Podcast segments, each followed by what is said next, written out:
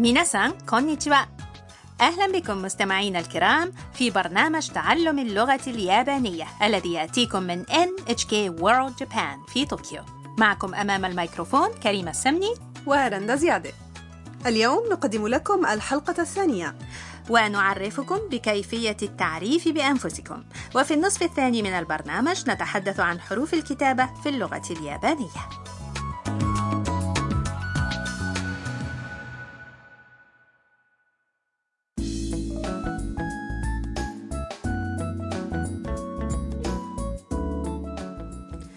في حوار الدرس السابق كانت بطلة القصة الطالبة الفيتنامية تام تبحث عن هاريسون هاوس الذي ستقيم فيه.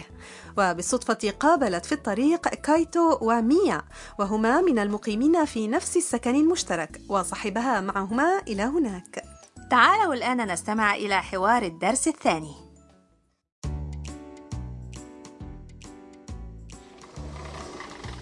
تدايما. هارو-san 新しい住人がつきましたよはー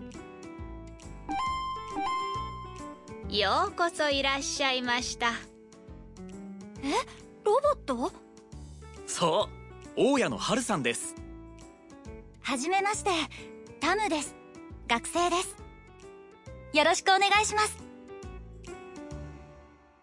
إليكم معاني الجمل تقول ميا عند مدخل المنزل تدايما. لقد عدنا. وبعدها يقول الطالب كايتو هارو-سان يا هارسان وصلت مقيمة جديدة. وعندئذ سمع من داخل المنزل صوت يرد قائلا هاي!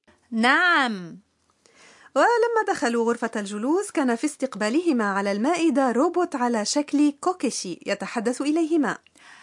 كوكيشي؟ هي دمية يابانية تقليدية مصنوعة من الخشب لها وجه كروي الشكل وجسم على شكل أسطوانة.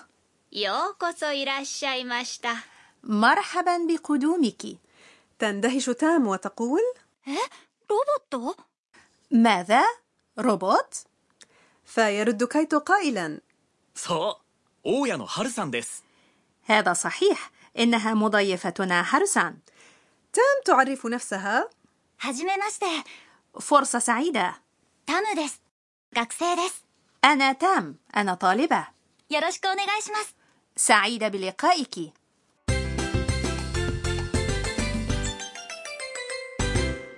العبارة الرئيسية في هذا الدرس هي أنا تام أنا طالبة タムです学生です إذا عرفتم تكوين هذه العبارة فسيمكنكم التعريف بأنفسكم بذكر الاسم والمهنة. عند ذكر الاسم أو المهنة نضيف بعد كل منهما اللفظ دس الذي يختم الجملة المثبتة. الطالبة اسمها تام وأضافت إليه دس وقالت تام دس أنا تام. أيضا عندما قالت إنها طالبة أي 学生 أضافت بعد هذه الكلمة اللفظ دس فأصبحت كاكسي دس أي أنا طالبة وماذا عن ضمير المتكلم أنا؟ أليس موجودا في الجملة؟ في اليابانية غالبا ما يحذف موضوع الجملة أو المبتدأ إذا كان مفهوما من سياق الكلام في العبارة الرئيسية لحوار اليوم أيضا لم يرد الضمير أنا لأنه مفهوم من السياق وهذه هي الطريقة الطبيعية للحديث في اليابانية والآن استمعوا إلى العبارات ورددوا タムです学生です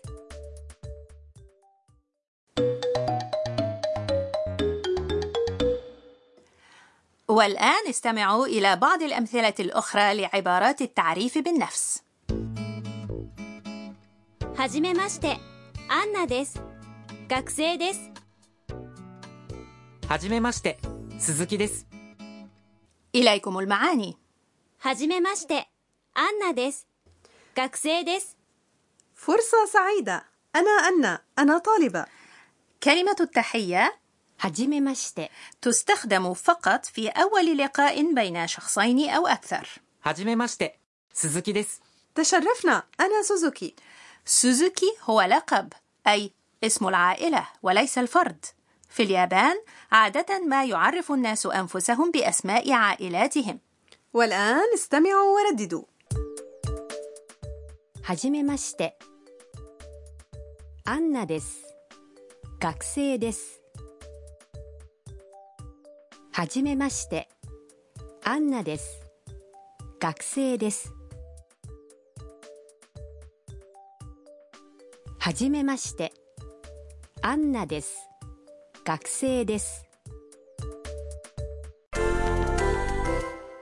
والآن تعالوا نتمرن على تعريف أنفسنا لنفترض أن اسمكم هو توماس トーマストーマス قولوا أنا توماس تفضلوا. توماس です إذا كان توماس موظفا في شركة أي 会社員. 会社員.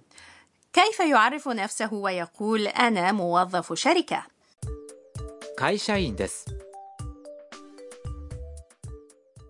ما زلتم توماس الموظف في شركة. عرفوا أنفسكم ولا تنسوا أن تقولوا أيضا.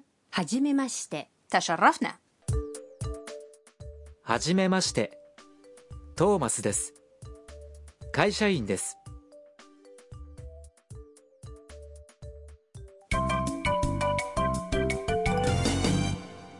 عبارة إضافية هو اسم هذه الفقرة التي نتعلم فيها جملة تكون مفيدة إذا حفظناها كما هي よろしくお願いしますよろしくお願いします هذه عبارة ليس لها مقابل في كثير من اللغات الأخرى وتعني نوصيكم خيرا أو نوصيكم بحسن الصحبة. ويقال لمن سيقدم لنا خدمات أو نتوقع أن يكون له علينا فضل سواء في العمل أو الدراسة أو العلاقات الشخصية. هذه عبارة نسمعها كثيرا في اليابان لذا سيكون مفيدا أن نحفظها لكي يكون الحوار سلسا. والآن استمعوا جيدا ورددوا. よろしくお願いします تعالوا نستمع إلى حوار اليوم مرة أخرى انتبهوا جيدا إلى الجزء الذي تعرف فيه تام نفسها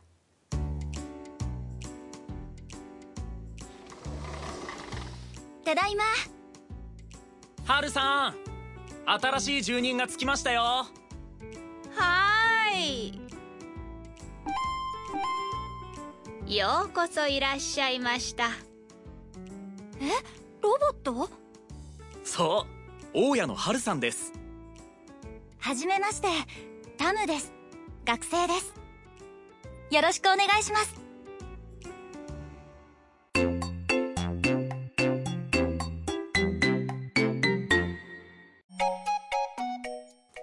يا كريمة توجد في اليابانية ثلاثة أنواع من حروف الكتابة وهي الهيراغانا والكاتاكانا والكانجي أليس كذلك؟ هذا صحيح في الأصل لم تكن في اليابانية حروف للكتابة خاصة بها بل كانت تستخدم رموز الكانجي الصينية. ومن الكانجي اشتقت الحروف الصوتية من نوعي هيراغانا وكاتاكانا. الهيراغانا حروف ذات خطوط انسيابية وانطباع لطيف وكانت النساء يستخدمنها بشكل رئيسي. أما الكاتاكانا فخطوطها مستقيمة بشكل عام وكان يستخدمها الرجال. هذا في الماضي البعيد. أما الآن فتستخدم الكاتاكانا لكتابة الأسماء الأجنبية والكلمات المستعارة من لغات أخرى والباقي يكتب بالهيراغانا. الكانجي رموز بمعنى أن كل منها يرمز إلى معنى أو معان محددة ولكل منها عدة قراءات. لذا يفهم المعنى بنظرة واحدة إلى تلك الرموز والمفاهيم الرئيسية في الجملة تكتب بالكانجي. وهناك ركن مخصص للكانجي على الموقع الإلكتروني للبرنامج. ندعوكم للاطلاع عليه.